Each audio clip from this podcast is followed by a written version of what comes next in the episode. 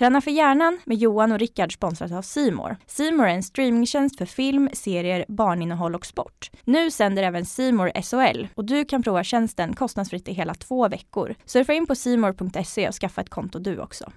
Det måste du bjuda på. Mm. När jag var liten så här. Jo, jo, men det sitter ju kvar. Du Nej. kan väl cykla? Man lär sig cykla så sitter det. Nej, vad fan nej. Kör en, en. så får jag och Johan gissa. Okej då. Oj, vad roligt det ska bli att gå ut och leka idag.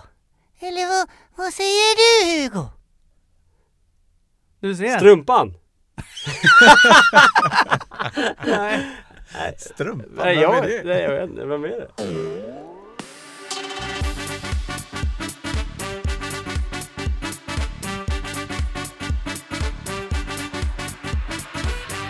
Kul att du tar dig hit, eh, tar dig tid och kommer hit och pratar med oss i Träna för hjärnan. Man är ju van att se dig med Erik och Mackan om man säger så. Ja, Du fick hit hälften. ja. ja, ni får nöja er med 50%. Men till skillnad från Johan och mig som har en radioröst så har ju du faktiskt TV i bagaget. Ja. Men vad var första liksom tv-grejen? Var den här utmaningen? Jag kommer ihåg så att, vad kan det ha varit 2008 när ni skulle testa på olika idrotter? Den första, jag vet inte vad det var för årtal, men jag började ju med TV 2000. 2000 började jag bakom kameran och jobba på ett produktionsbolag som heter Meter. Och gjorde, jag var, jobbade som produktionsassistent på, eller klippassistent på När och Fjärran. Mm. Och fick vara assistent åt Hasse Fahlén och grabbarna och tjejerna som reste runt där. Och var väldigt, väldigt avundsjuk naturligtvis. För jag fick sitta och logga bland annat materialet då, där man går igenom grovklipper allting kan man säga. Och då var hon såhär, fy ja, Mauritius idag igen. Ja det regnar här ute i Värtahamnen. ja, kul för er, kul för er. Ja, ja men det gick. Och här, nästa uppdrag var, ja men ja, det höll på sådär. Och sen eh, så gjorde jag, den första grejen framför tvn var ett program som heter Pussel. Som var så här dag-tv i TV4. Så här för eh, mammalediga, eller föräldralediga, barnlediga kanske man säger. Föräldralediga. Och arbetslösa typ. Så här ring in och vinn program. Okej, för, för det, det som jag tänker på det var ju när ni åkte runt och så testade ni olika sporter och utmanade varandra. Det såg helt fantastiskt roligt ut. Ja, Ni men du tänker thaiboxning någon gång. Ja men du tänker nog på Snygga och smärta. Det var vårt liksom andra Erik och Mackan program. Ja, Det hette Snygga och smärta med Erik och Mackan. men det måste ju varit svinkul att spela in. Ja, det var ju jävligt jobbigt för vi skulle ju de facto gå ner i vikt också samtidigt. Det skulle vara liksom en liten röd tråd i underkanten som det var inte det viktigaste såklart. För det är inte så jävla roligt att se när någon ska gå ner i vikt om det inte görs som ja, men Biggest Loser och sådana program är ju superpopulära. Men nu var det liksom, vi skulle ju då som du säger testa olika sporter och testa olika viktminskningspreparat och tester och, och göra det på ett humorvis liksom. Men samtidigt skulle vi gå ner i vikt och för mig var det väldigt viktigt för jag tyckte att då blir det liksom på riktigt också. Och då vill jag se en skillnad från att vi börjar till vi slutar. Och inte bara så här, har vi gick ner fyra kilo var? Utan att det verkligen skulle vara på riktigt. Och då sa de så att ni kommer få träna på ett gym ute i Djursholm som heter DTC, Djursholms träningscenter. DT, ja, DTC. Och eh, så jag bara, perfekt, vi kommer inte börja spela in före klockan nio på morgonen. För då hade vi chansen att liksom vara på gymmet vid halv åtta och köra en timme fem dagar i veckan eller någonting. Problemet var att någon gång ibland sa de så kommer vi börja starta innan nio så då kommer ni inte kunna träna. Och bara, men det är ju lugnt liksom. Jag tror vi startar innan, eller jag tror vi börjar spela in klockan nio två gånger på hela säsongen. det blir bara så här, och imorgon blir det ju halv sju då. Så alltså, ni får träna, ni får träna på kvällen. Så vi jobbade jobbar som typ 12-14 timmar om dagen och så fick man träna på kvällen. Och... Men Erik gick ner, det var ju en tävling så jag vann ju för han gick ner 19,9 kilo. Han ska gå ner 20, jag ska gå ner 15 och jag gick ner 15,01. Wow! Så jag på- klarade mitt mål och han gjorde inte det. Hur lång tid var det här? Juni och sen var det väl en paus i juli och sen var det augusti, september eller någonting. Tre Ja. månader. Grym. Wow! Vilken grej! Ja, så det var, det var, blev ju coolt. Men då körde vi, då träffade vi bland annat uh, Jörgen Krut. Ja, ja men det var det inslaget för jag har en svag aning om att jag var där och tränade när ni kom. Ja. Eh, och jag för mig att det var du som boxades mot honom. Ja, vi gjorde en så här tag team grej. Vi fick gå båda mot han. Så fick man springa till ringhörnan och slå varandra i handen och sen nu får du kitta in. Problemet var att alla ville stå i hörnet. så det var liksom ingen. Ja, det är ju som att slåss. Det är ju så tråkigt när man eh, ska boxas eller sparras mot någonting som är så, någon som är så bra. För Det är ju som att när jag låtsas brottas eller slåss med min sexåriga grabb. Det är, jag kan ju liksom när som helst slå ihjäl han om jag vill. Mm. Så liksom spelar ingen roll, han kan liksom slå sig trött så kan jag bara här slå han lite i magen och i revbenen och ja, du vet så här. Så du kände aldrig att det här har jag? nej, nej det blev inte så. Det var så här. Och så, och så sparkar man han någon gång på du vet låret eller någonting. Mm. Så han bara, så här, vad fan, du sparkar ju mig. Och då fick man ju en spark tillbaks fast 600 gång- gånger hårdare. Mm. Så det blev så här, okej, man visste att det, antingen så får man liksom låtsas sluta och ge upp eller så kommer man dö. För han skulle ju inte ge sig, han skulle ju liksom inte säga oj fan ni var duktiga grabbar, jag backar undan lite grann. Utan han skulle ju bara dödat oss då. Men, men alla de här grejerna som ni har gjort under den här äh, tv-inspelningen, var det någonting som du kände så här: wow, det där kunde ha gått riktigt åt pipan? Ja det är alltså hur många gånger som helst vi har ju gjort. Vi gjorde ju ett program som heter 99 saker man ska göra innan man dör. Vi gjorde ju tre säsonger av det. Och många utav dem var ju inte alls så särskilt genomtänkta. Som att liksom åka bakom en person som kör 200 km i timmen på bakhjulet på motorcykel. Och då var det liksom så här, ja nej fan det är en ny motorcykel men han provade den lite när han åkte från Göteborg ner till Anderstorp igår och då körde han på bakhjulet i 240.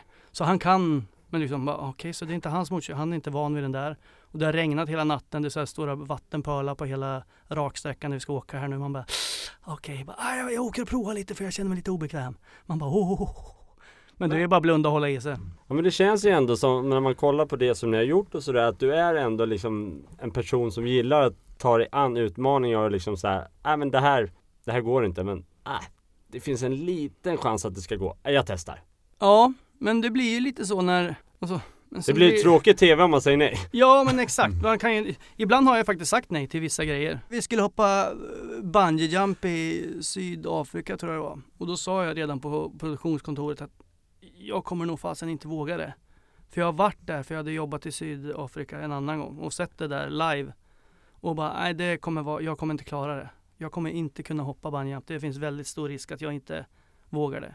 Men då hade de ju gjort knäcket så att jag skulle inte hoppa. Så de hade liksom bara fixat en Mhm. clearance till en som skulle liksom hoppa.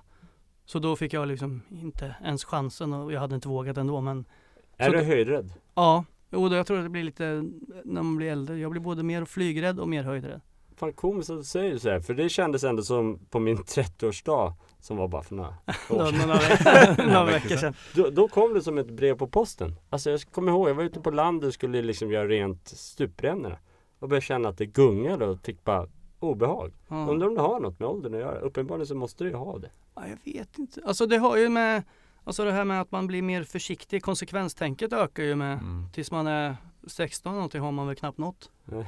Och sen, det var ju när jag läste om någon eller såg något eh, reportage någonstans om någon tjej som i USA som körde någon sån här gärdsgårdsserie med så här, liksom bilar, typ någon folkrace liknande fast i USA. Och hon körde ju då, det var ju någon så här, serie som alla fick vara med. Och hon var ju 16 och gubbarna som körde var ju liksom upp till 78 men liksom från 28 till 78. Men tjejen vann ju nästan hela tiden för hon kunde ju liksom, såg hon en lucka så körde hon för hon tänkte ju inte på att fan om inte jag hinner fram här nu så då kommer den krocka och köra in i mig. Fan då kan inte jag, då blir det dyrt och jag måste laga bilen och då kan jag inte köra nästa helg och ja vi ska ju bort och jag har inte tid att laga bil. Alltså en gubbe kanske tänker så, eller en, en kärring också för den delen. Men hon, den här unga tjejen hade ju inte det så hon bara "Åh, en lucka jag kör! Då gasade hon bara så hon var ju skitduktig i det där. Så det var ju lite så att hennes hjärna var ju lite, den hade inte blivit klar än. Hur kom, man på, hur kom ni på de här 99 sakerna? Eh, första gången så satt Erik och jag på ett tåg. Då hade vi ju varit i, eh, jag tror vi var i Österrike. Och satt och snackade om, det var i slutet av en inspelning och en inspelningsperiod och vi sa vad fan ska vi göra för nästa program liksom? Vad har vi? Vad, vad tycker vi? Så satt vi och skrev ner en lista på olika saker vi tyckte om att göra. Att ja men fan det skulle kunna bli bra tv om man gjorde något. jag, jag har alltid drömt om att liksom flyga stridsflyg. Och liksom pilotgrejer tycker jag är coolt. Men det har väl vissa krav, längd och vikt och Ja, sånt jag vet. det. ja, jag vet. Men, Eller? ja, men nu fick man ju bort, så man skriver en sån lista får man ju bara säga ja. Ja, Okej, Då får så, du bara open-minded grej. men blev det av? Ja, ja. Jaha. Ja, jag flög JAS till och med. Fick styra och köra själv. Jag rollade. Så, nej men då skrev vi bara ner en lista på massa saker och sen så var det någon dum rackare på TV6 förmodligen som sa att Men om vi slår ihop allting då? Och kanske gör ett program av alltihop? Och då var man ju inte dummare än att man sa ja, det var exakt så vi tänkte lite grann. Nu när du ändå nämner det. Ja, så då blev ju, ja, så då gjorde vi. Och sen så var man ju tvungen att ta, jag ska nog säga att 70% eller 80% kom från Erik och mig som vi hade, grejer vi hade hittat på. Och sen så måste man ju fylla på med så här, för eftersom budgeten man har, det är ju inte 600 miljoner i varje program. Så då blir det ju att ja, vi får spons på Lomanders att bada i bearnaisesås punkt 68 liksom. Men det känns som att eh, om man tittar på det här, om man är eh, en, en grabb som, som är nyfiken så måste det här vara en pojkdröm som har gått uppfyllelse. Och få spela in det där med en, en bra polare. Ja, Ja. svinkul. Ja, ja för fan det är ju Det är lätt att tänka på så här, fy fan vad kallt det var när vi skulle göra det där Ja. och bla bla. Men ja, när vi höll på väldigt mycket med det där och man var ute och man var på någon eh, bröllop eller någon fest eller man, är i en situation där man träffar liksom många som kom fram och pratade med en. Och inte bara så här skrek på stan utan verkligen så här. Ja men vad fan, när ni gjorde den där grejen, det måste varit så jävla roligt. Och så tänker man tillbaka och bara, nej fy fan, vi var tvungna att gå upp halv fem på morgonen. För vi skulle åka i tre och en halv timme. Och sen var det svinkallt, vi var tvungna att byta om liksom ute i regnet och snöblandat. Alltså den storyn, för mig är det liksom att ja, men det var jävligt jobbigt också. För jag vill inte så framhäva mig själv och skryta. Och det är ett problem jag har, att jag vill inte säga ah fy fan vad kul det var, ja ja ja du har helt rätt. Utan då vill jag kompensera storyn och säga att ah, det var väldigt jobbigt också. Men den personen som frågar vill ju inte höra om att det var jobbigt, den vill ju höra det skrytiga, coola.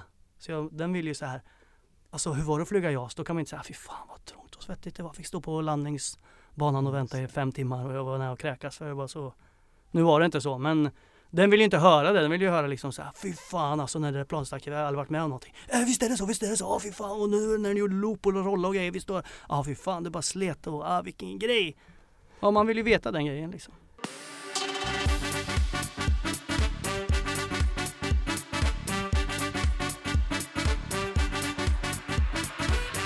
Om man kollar på, det, på din Insta nu så känns det ändå som att du är inne i en träningsperiod. Ja, Är det så? Vad är målet med träningen just nu? Må, jag gör ju en grej med Nordic Wellness, eller kanske man inte får säga. Jo, det är klart Ja. Eh, och då jag ska åka runt till alla deras gym och eh, de har ju, när jag började hade de väl typ 130 gym. Nu har de väl 150 för han som är VD, Magnus, han tycker om att, att köpa gym. Så de öppnar ju typ ett nytt varje vecka.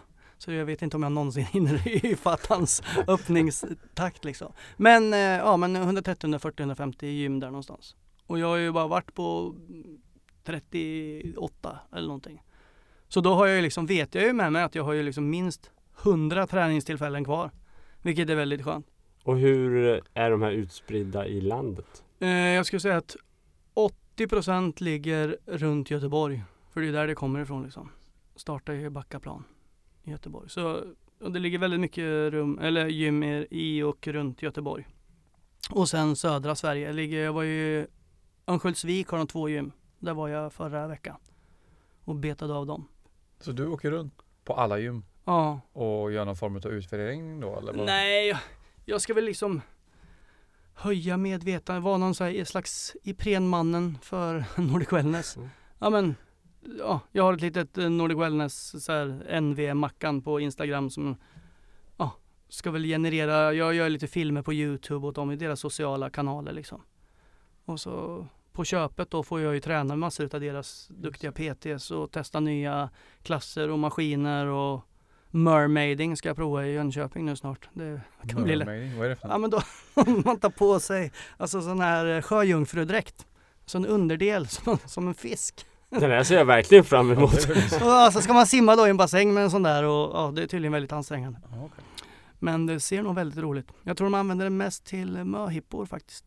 Men det, jag, jag tycker det är kul att testa olika saker. Jag säger också ja till mycket för att Ja, men jag tycker det är kul med utmaningar och veta Mm. vad som händer därefter.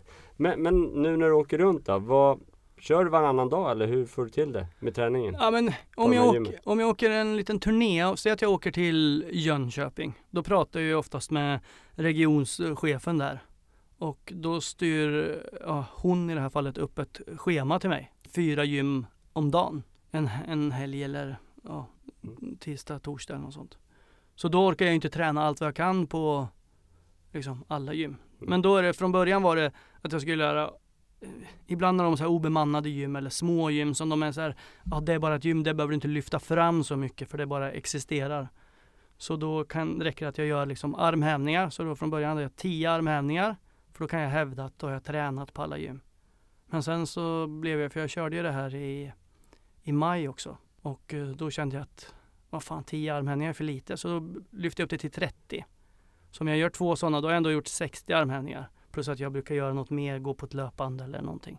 Jag var i Jönköping och då tränade jag med en PT och då sa han, idag tänkte jag att vi skulle koncentrera oss på ben och mage. Så han gjorde så här kvadruppelset, så här superset fast med fyra övningar. Jag körde fyra övningar efter varandra jättesnabbt och sen fick jag lite vila. Och sen igen och sådär.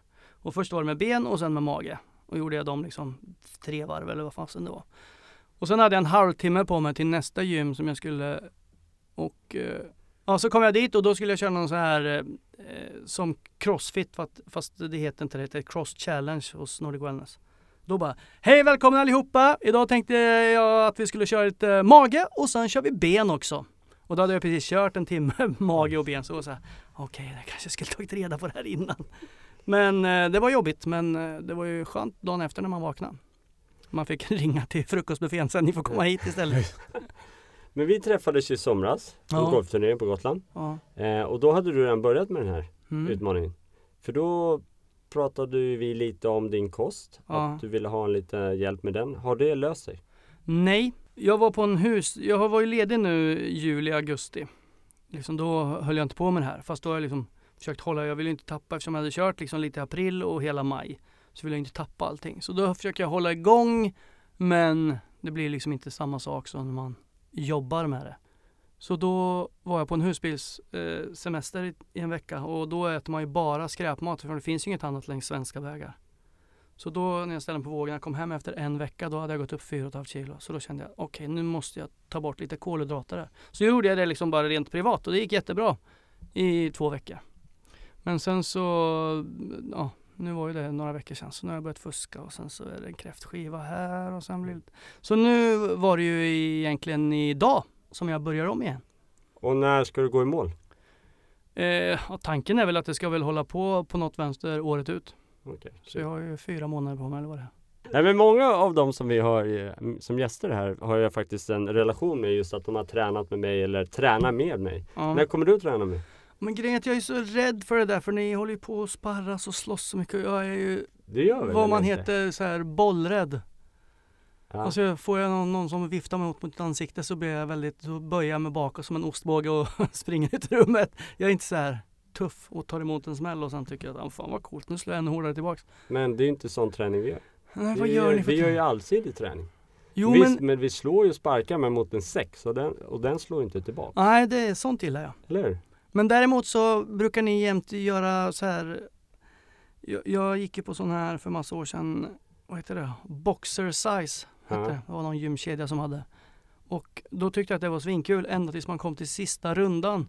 För sista tio minuter av passet ska man alltid vara tillsammans. Då skulle man byta, om jag var där med min fru, så ska Mm. man alltid byta partner och grejer. Så helt plötsligt så har man liksom Annette 42 genomsvett i knät som sitter och typ Men var inte spottar i det någon swingersklubb som du hade på? Ja men alltså har inte vi där så känner- läder, det är så piskor och läder Jo, och jo, jo, jo. Sandsäck och sand, alltså det var mycket säckar men jag vet inte om det var fylla med sand. Lite mörkt också. Ja, Ja. och Nej, sen någon men så- svag musik. Så det behöver du inte oroa för. Så vi syns på tisdag eller torsdag vid 12 då. Ja, ja, ja här, här har du Här kartan. har jag Tack, vad kul! Vad härligt. Men du kan sätta jag är helt svettig nu. Får vi Kan vi kolla på pulsbandet där Nej inne. för fan den har lagt ner. Kort träningspass bara, nej nej för fan.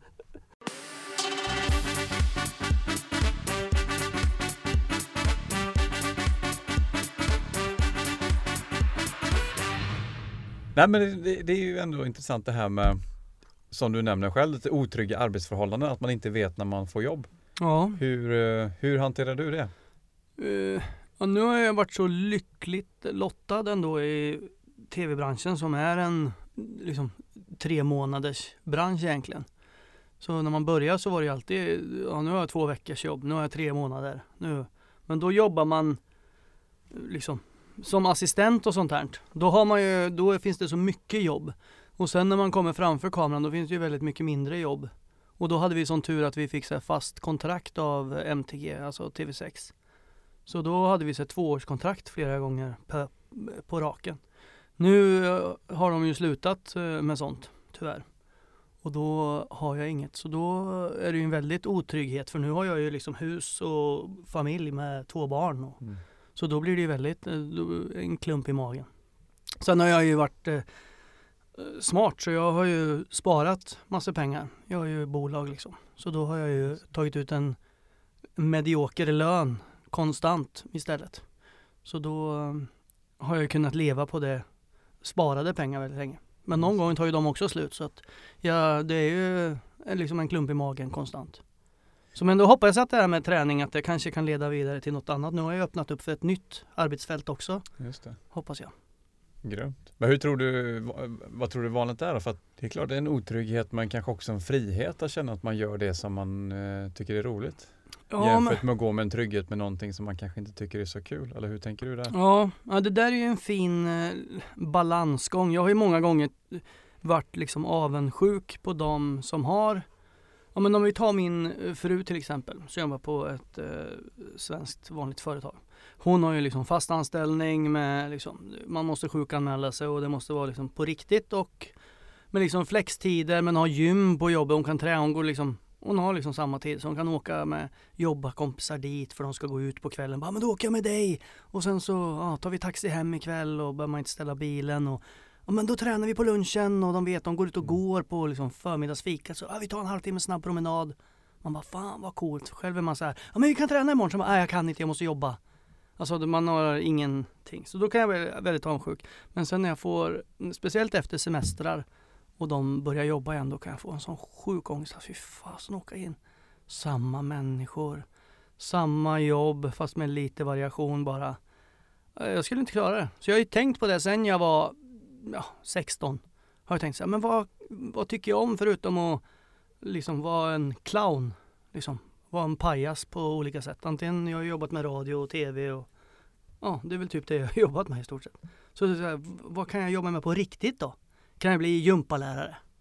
Nej, det kan jag inte. För det har jag provat på. Så här, så här, ungdomspraktik hade jag när jag var 19.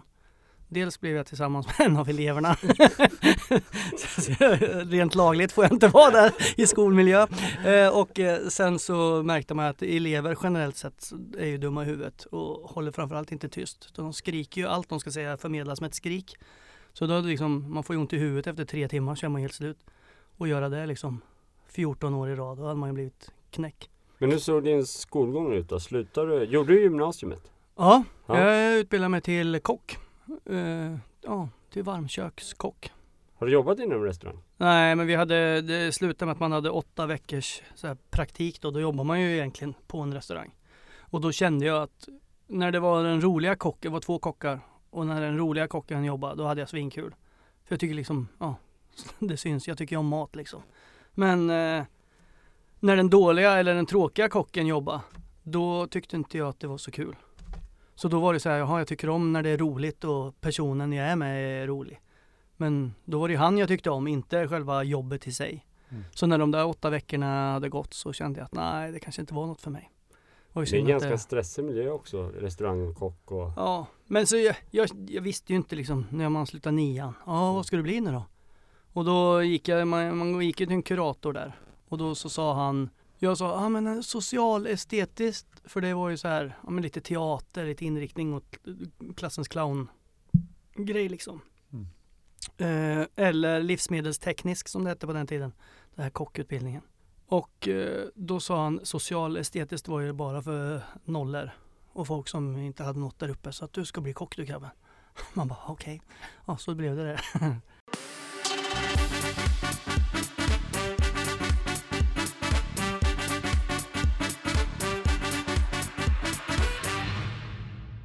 Träna för hjärnan med Johan och Rickard görs i samarbete med Novo. Med Novo kan du spara till din pension när du handlar. Med rabattkoden NOVO100 får du 100 kronor att starta ditt sparande med. Sök på Novo som är No Worries i App Store eller Google Play. Jag skrev till dig, det var ganska kul. Efter eh, Marcos inlägg så skrev jag och frågade om du ville komma hit. Ja, Eh, och prata då om träna för hjärnan och vad det liksom är och eh, det. Och då fick jag på svaret här, jag ska läsa Jag det. tänkte inte att du skulle läsa upp det. jo, men, det tänker jag göra. Ja, Eh, då frågar jag om du vill komma hit och prata med oss. Så, så, så står det så här. Vad ska vi prata om? Jag kan ju ingenting om träning. Jag är ju bara en tjockis som är, på, som är i vägen på gymmet. ja, ja, men lite så känns det ju. Men, men är det din bild av dig själv? Ja, lite grann. Men om man kollar, kollar på ditt instaflöde till exempel för att liksom ha något att reflektera till så ser man ändå Du är aktiv, du spelar padel, du Ja. spelar golf och nu tränar du. Hur, hur kan du se dig som en, liksom en tjockis på väg till gymmet? Jo men det är ju bara att jag är så då, alltså just gymmiljö, alltså nu är jag ju nybörjare, golf kan jag väl. Eller alltså jag är dålig på golf men jag, där kan jag i alla fall en del regler. Och känner mig hemma, jag kan gå till en golftävling och känna att jag inte, jag kanske inte kan alla regler men jag kommer inte göra bort mig på själva golfbanan.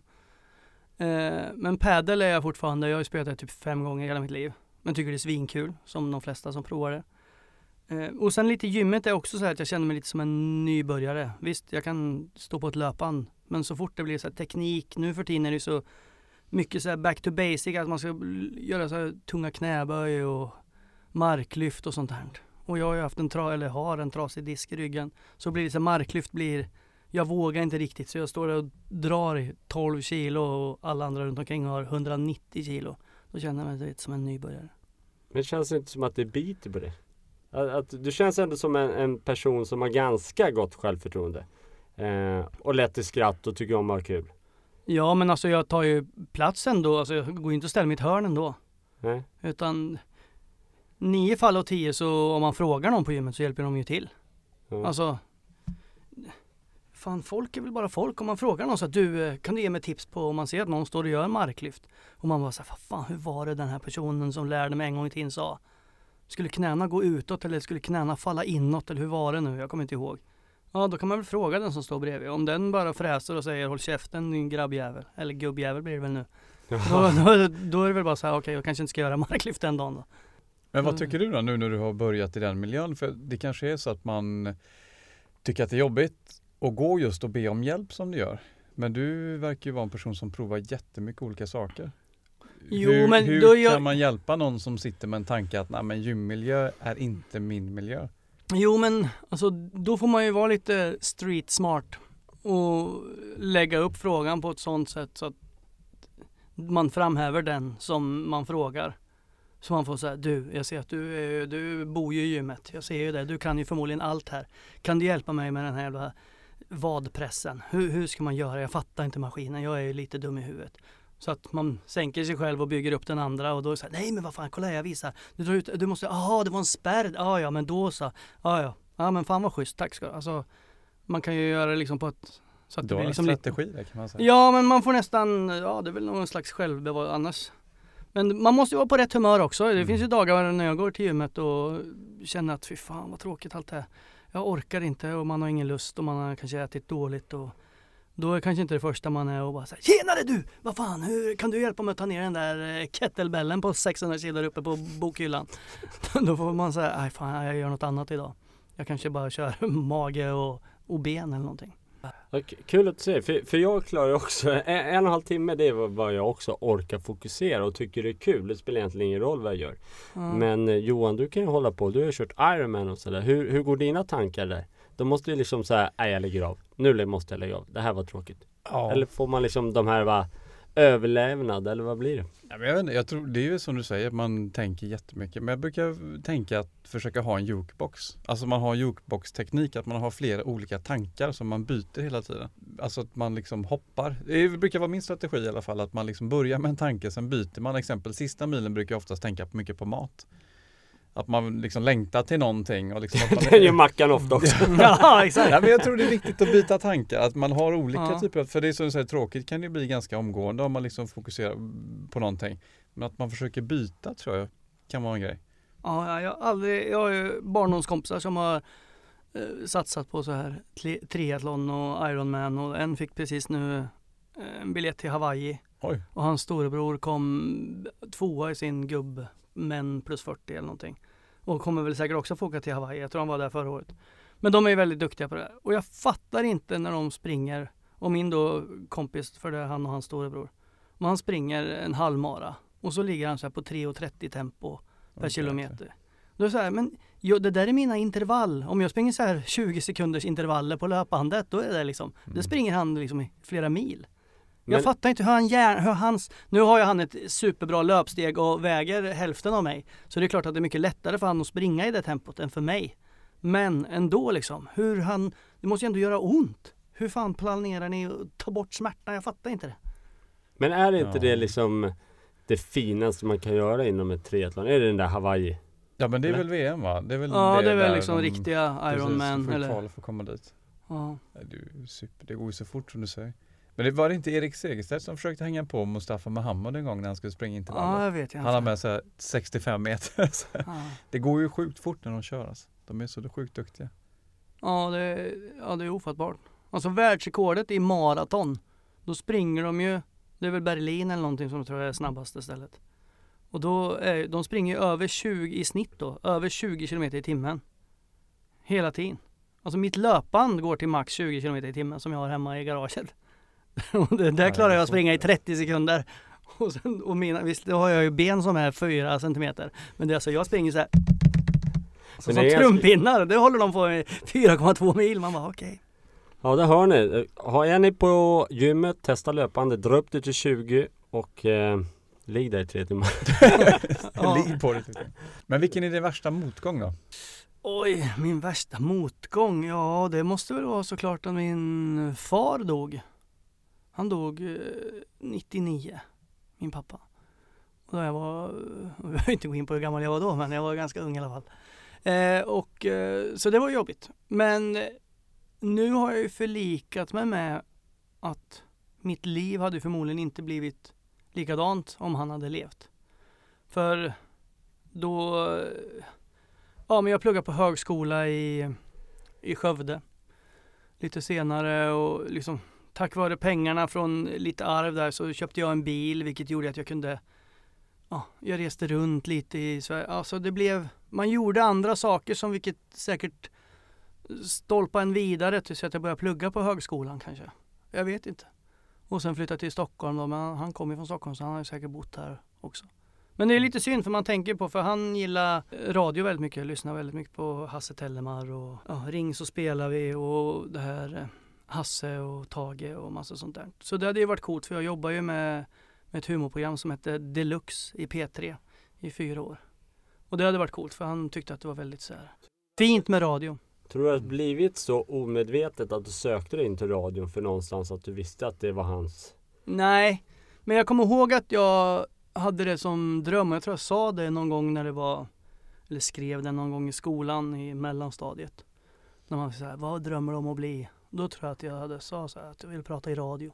Är inte det ganska coolt? Att det, Mm. För det har jag hört flera gånger att folk verkligen har skrivit det eller Ja, omedvetet att någon har liksom sagt, sagt det där så har det blivit så. Det ja. tycker jag, sånt där tycker jag är lite läskigt, lite obehagligt. Ja, men men jag samtidigt skönt. Jag tycker det är jättekul för då har jag liksom uppnått min dröm. Jag har ju redan pratat i liksom fyra år. Jag pratade ju studentradio i Linköping fast jag inte var student i Linköping. Men nästlade mig in på Radio Ryd hette det då. Och sen så gjorde jag studentradio i Skövde när jag pluggade på högskolan.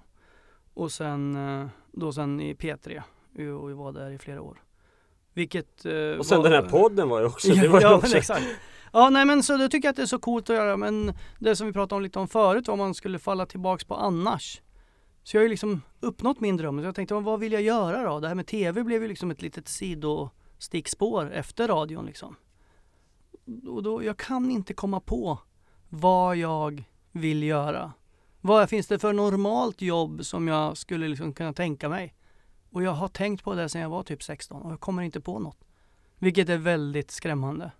Men det känns ju som att du behöver ha utmaningar och kicka i ditt liv för att liksom Jo, men för samtidigt att vardagen ska funka eller? Om man jobbar på, kör truck på ett lager, Mm. då kan man väl köra enduro på helgerna då?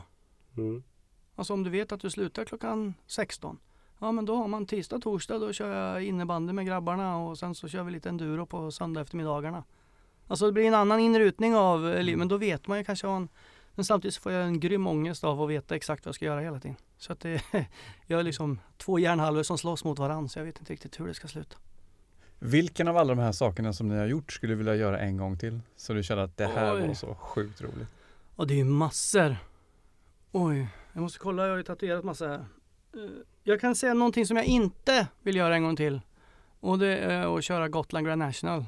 Det är ju så enduro som går på Gotland såklart. Och eh, jag hade sån tur där för det var några gånger jag liksom motorcykeln slog i någon sten och var liksom en och en halv meter åt höger och jag var i luften en och en halv meter åt till vänster. Och sen så slog motorcykeln till, till någon liten sten och så när jag var på väg ner så landade jag på motorcykeln igen. Alltså jag körde ett helt varv för jag skulle bara, vi skulle bara köra ett varv. Erik kom 300 meter. Eller ja, 200 meter kom han. sen han Jättetufft, Sen, då hade han ramlat fyra gånger och klev av och sa nej det här skiter jag i. Men jag körde ett helt varv. Hur lång tid tror du det? Nej, det vet inte, jag väntade ju på filmteamet massa gånger. okej. Jag stod i depån i typ 45 minuter. Men det där är väl-? Svintufft, vad jag har förstått. Ja men det, är- det är ju inte så att du behöver springa själv. Du sitter ju på en Ja, motorgrej. men du ska och- hålla i. Ja, jag vet. Ja, nej men då, jag bara kände att jag hade sån tur att jag inte ramlade och slog ihjäl mig flera gånger. Så då var jag verkligen så här, när jag kom i mål utan att ha ramlat en enda gång. Så var jag så här, fy fan vilken tur jag hade det där. Och kör jag där igen då kommer jag förmodligen dö direkt. För det kommer ju folk som i världens fart och kör, folk kör ju liksom fem sex varv på det där stället. För det hela, under tre timmar ska jag köra så många varv som möjligt. Och jag skulle ju då bara klara ett. Eftersom filmteamet vill inte stå och vänta där i tre timmar. Men nu fick jag ju vänta på dem istället för de ja, försvann. För banan är ju inte helt lätt att ta sig till på alla ställen. Så Och de den min- du vill göra igen då? Den utmaning som du känner att det är här? Jag skulle gärna vilja köra JAS igen. Det är ju svincoolt. Berätta det, för det är ju mångas dröm det där. Hur, hur, hur, hur gick det till? Hur mycket fick du träna för att komma upp i luften? Jag behövde inte träna någonting. Jag fick göra en läkarundersökning. Och så fick jag gå igenom den här eh, raketstolen eller katapultstolen eller vad som det nu heter. Gå igenom den liksom. Om det händer att vi måste trycka ut oss så är de här reglagen du måste känna till. Men den är väl, hur många G är den? Jag hörde något sånt Ja, jag vet sjukt, inte men typ det vill man ju inte veta. Sju typ. Men det är ju liksom så här, antingen så dör du eller så får, får du jätteont. Ja men exakt, svimmar du. Så att, eh, ja. Men varje gång man satte sig i hela planet, eller jag gjorde ju bara det en gång, men man satte ju ner en simulator och grejer. Så bara, vad fan sa han om den här stolen nu igen? jag glömde bort det hela. Och nu har jag ingen aning. Jag skulle, om jag fick sätta mig i en sån stol, hade jag, jag skulle inte ha en aning om hur jag skulle klara att skjuta ut mig därifrån. Och sen så är man ju lite rädd för de trycker igång den där. När man sätter sig i planet så är det liksom, okej nu är det liksom på riktigt. Då trycker de ju liksom på armeringsknappen där. Då är det liksom så här, nu är det, om jag råkar göra det här nu, då, då skjuts man ju ut. Så då är det lite läskigt, man så här, sitter på ett raketpaket. Man bara, åh, åh, åh. Nej men det var för jäkla coolt för det är ju liksom, ja, det är ju så lätt. Jag fick ju köra det, det är ju bara, du sitter och håller en liten joystick. Det är ju bara att, det är ju som ett ett tv. TV-spel. Ja det är ett tv-spel.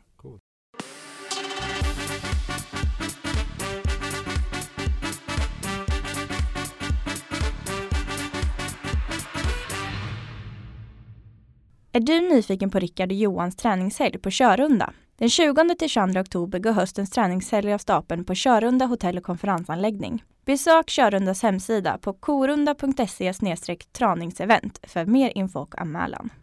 Hur träffades du och Erik? Vi träffades på högskolan i Skövde. Ja. eh, på en så här in, ja, man har ju så in, jag gick ju klassen över han. Så har man ju så inspark första två veckorna. Så jag var väl en dryg Nollaren? snubbe. Ja men exakt. Så Vad jag, gjorde du? Nej, de fick göra, jag visste ju inte vem han var. Mm. Så, men jag var ju en sån här tuff kille med Beppe-mössa och megafon och hördes och syntes ganska mycket såklart. Ja, så jag var väl en dryg jävel enligt han. Och sen så blev vi utlåsta, gick ett brandlarm, man har ju en sån här sittning sista kvällen. När man ska då försonas och alla liksom som har mobbat en i två veckor ska vara så här, helt plötsligt ska man vara kompis med dem. Eh, och då blev vi, någon drog igång ett brandlarm av något slag och då blev Erik och jag utstängda i en bar. Så då hamnade, det var typ han och jag och sen en bartender. Så då började vi prata. Och drog massa skämt om påven, kommer jag ihåg. Och liksom så här, påven skulle komma förbi senare och jag har ju hans mössa här inne så att jag vet inte hur vi ska göra. Ja men massa, ja då spann han vidare och så det var liksom som att, ja, båda blev liksom lite kära i varandra där och då. Att det blev så här, vad i helvete. För jag hade ju varit rolig med mina kompisar när jag växte upp. Men de hade ju bara varit väldigt trevliga och skrattat åt mig. Åt mina skämt och tyckte att jag var en rolig jävel. Men här kom det en som helt plötsligt var, han gillade mina skämt och han kunde dra massor skämt som jag fick skratta åt. Så jag blev så här, men vad fan är det här? Det är ju någon annan som är svinkul som har exakt min humor och liksom kunde ta den ännu längre och Nej, så det båda var liksom så här, vad i helvete är det här? Vilket var ert första jobb sen då? Vad hände, liksom, hur kom det sig att ni började jobba ihop då? Nej men jag flyttade ju då till Stockholm 2000 och hade praktik på ett bolag som heter Titan och sen så fick jag jobb där och sen fick jag jobb på det här Meter då med När och Fjärran och sen så hade det gått typ ett år och så skulle han ha praktikplats. Och då så sa, fixade jag en praktikplats på Jeopardy åt honom. Så då sa jag så här, men jag känner en kompis på som han kan ju när de skulle ha någon praktikant där. Så då fick han praktikplats där. Så då satt vi, inte på samma redaktioner då, men ja, fyra meter ifrån varandra. I så öppet kontorslandskap. Hur är det att jobba med sin kompis då? Hur funkar det att samarbeta? Händer det att ni kommer ihop er och blir ovänner? Liksom hur? Ja, ja, massor, massor gånger. Eh, Men det är lite som att vara med ett, ett syskon. Alltså vi har ju känt varandra. Vi har ju liksom vår gemensamma humor. Som vi liksom har eh, i grunden. Och vi liksom gillar varandra i, i grund och botten som man gör med oftast förhoppningsvis med ett syskon. Men sen så har vi jobbat, vi jobbar ju som, när vi jobbar med det här pussel i TV4 och då Deluxe i P3, då hade vi först en timme livesändning i TV4 på morgonen. Så hade vi två timmar livesändning i P3 på eftermiddagen. Och det höll vi på med liksom i flera år, så vi liksom jobbade, hade två jobb. Och sen var man ute och festa på kvällarna och ja, man liksom, vi har gemen, liksom, känner ju massa gemensamma kompisar såklart. Så liksom man hängde Eh, dygnet runt. Och sen när man är ute på så här resor, det första tv-programmen vi gjorde, så liksom man får höra, jag har ju, han har ju hört alla mina stories 20 gånger, jag har hört alla hans stories 20 gånger. Och nu har vi ju då massa gemensamma stories som vi berättar för nya vi jobbar med. Som man har varit med liksom. Ja men när vi gjorde det där i Sydamerika eller någonting. Så vi kan ju varann så jäkla bra så när vi inte jobbar tillsammans så umgås vi ju väldigt sällan. Mm. För att det är liksom, vi måste liksom hämta energi och få in nya stories som inte den andra har hört lite grann. Så vi, vi umgås väldigt sällan. Nu hängde vi ju tillsammans i helgen här, eller vi var på samma kräftskiva. Och det var ju inte många par där, det var ju så par, parmiddagar. Kom ni som ett par då? Nej, nej han, kom, han kom med sin familj och jag kom med min. Men ni, näm- ni nämns oftast ihop, eller hur? Eller? Jo men det är ju liksom vårt lilla varumärke, Erik och Mackan. Vi har ändå gjort massor tv-program och hållit på i 15, eller ja, 14-12 år eller vad det är. Mm. Så att det är ju förståeligt. Men det är ganska kul att säga, säga det för det är väl så är det väl med allt om man är bästa kompis eller en relation eller sådär. Men är man med varandra konstant så blir man ju Alltså man går ju varandra på nerverna. Så är det ju till slut. Jo, man men då- behöver ju en paus. Ja men grejen också att man vet, man känner ju av det hela tiden. Att nu tycker han det här är tråkigt. Alltså man, man, man kan bli lite, det är som ett förhållande, att man blir lite så här Åh nej, nu är han på det här humöret och jag tycker det är så tråkigt. Att man, och då blir man liksom stingslig så fort medan andra har inte fattat det än. Och så kan man liksom sitta, jag kan bli sur direkt. För jag vet att nu kommer han säga det där och vara så där och det är så jävla jobbigt när han ska vara på det humöret. Och han märker ju det på mig då att jag blir sur eller tvärtom. Så att, eh. Det är liksom man har, det blir som lite taggar i sidan mot varann som det kan vara med ett syskon. Men vi har ju alltid varann när vi gör firmagig och sånt här. Då är det så här, fy fan vad skönt att vi är två på det här. Oh, det här Vad är är det ni jobbigt. gör då för någonting? Vad är det? Nej, men det kan ju vara att vi är liksom konferenser på olika firmor eller någonting.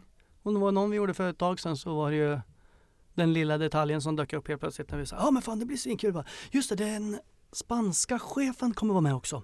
Så vi vill att allt det här gör ni på engelska. Man bara va? vänta, vänta, vänta, nu. Lugn nu, okej. Alltså då blev det lite så här, okej, okay, ja, fan. Men då har vi liksom båda, då är vi ju två så att eh, och det är ju plus att så fort det blir liksom stökigt i ett rum eller ja men i en ovan situation, då blir det direkt att vi tyr oss till varann. För vi vet ju att vi har ju varann hela tiden. Så det är ju liksom där vi kan bli sura på varandra väldigt snabbt men vi är också väldigt de första som ja, nu är det du och jag mot resten här inne. Även fast det inte är liksom ett slagsmålssituation liksom. Men, ja, men man har alltid varandras ryggar liksom. Grymt. Jag hoppas bara att vi kommer få se mer i tv-rutan. Jag tycker ni är fantastiskt underhållande och roliga. Jag gillar ju galna saker. Folk som sticker ut. Tack, tack. Eh, och tack snälla att du tog dig tid och kom hit och pratade. Och Ja. Så ska du få komma hit om eh, tre månader och visa superkroppen. Ja. jag, kommer vara upptagen den dagen men, ja, men absolut.